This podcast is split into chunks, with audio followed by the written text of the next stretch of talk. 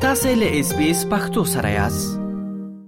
د اس پی اس رادیو د پښتو خبرونه محترم اوریدونکو ستړي مشه رحیم الدین اوریا خیلیم له افغانستانه تاسو ته د افغانستان او سیمې د تیر یوې ونې مهمه پیښه وړاندې کوم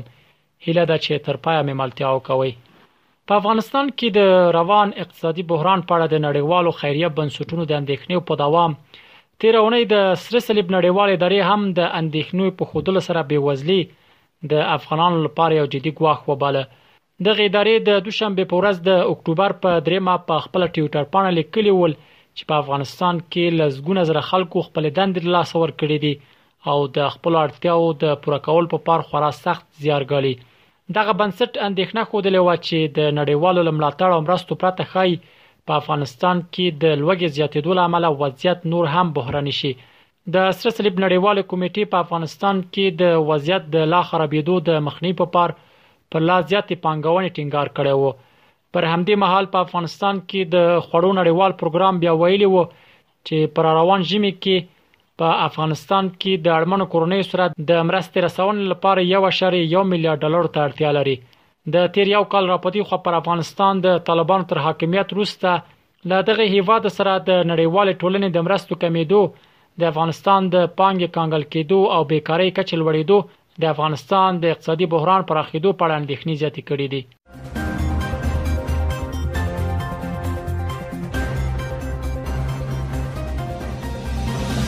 په افغانستان کې د ملګرو ملتونو استازولۍ یوناما تیر اونۍ وویل چې تیر کال یې څه باندې یو میلیارد نقد ډالر د بشري مرستو پټول افغانستان ته راوړي دي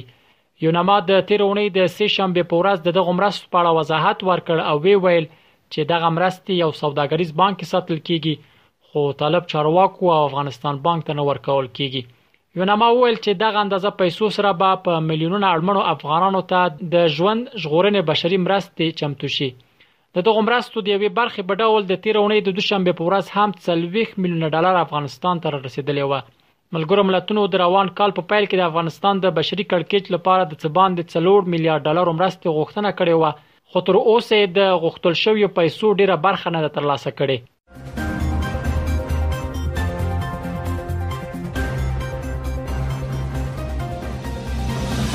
د ماشومانو د ژغورنې نړیوال سازمان تېره اوونۍ وویل، افغانستان د هغو هېوادونو د نوملړ په سر کې راغلی چې د زده کړې سیستم یې د لمنځه تلو له خطر سره مخامخ دی.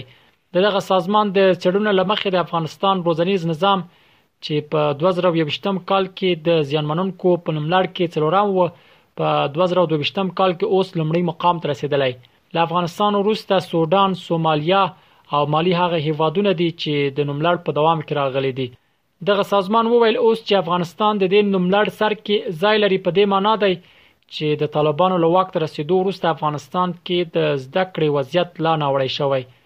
سیف د چلډرن جګړې کورونا وبا کډوالي انټرنیټ نه لرل او د اقلیم بدلون نړۍ کې د زده کړې بهیر پر وړاندې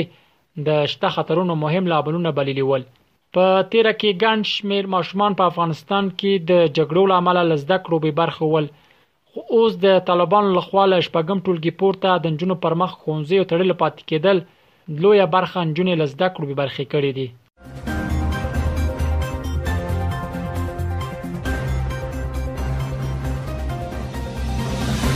د کاناډا نشریاتي ادارې سي بي سي تېره اونۍ راپور ورکړ چې داسې اسناد یې ترلاسه کړي چې ښايي کاناډايي چارواکو له کله چې افغانستان کې طالبان واک ته رسیدلي له دې ډلې سره په قطر کې دیارلس ځله کتلي دي. د دې ادارې د راپور پر اساس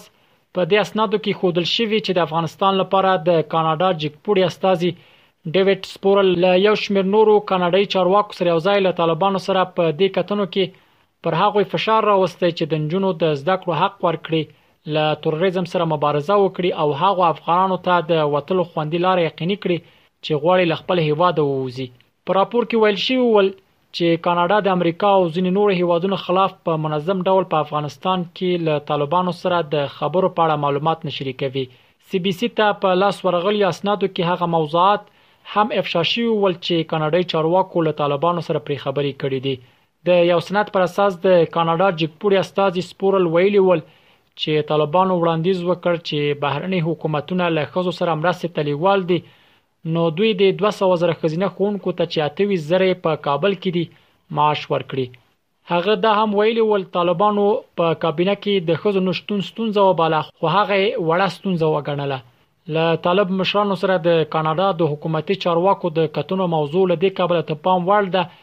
چې د دغه هیواد د بشري مرستو موسسو په ځلونه له خپل حکومت غوښتي چې په هغه قانون کې بدلون راوړي چې له افغانانو سره د دوی د بشري مرستو مخه نیولې ده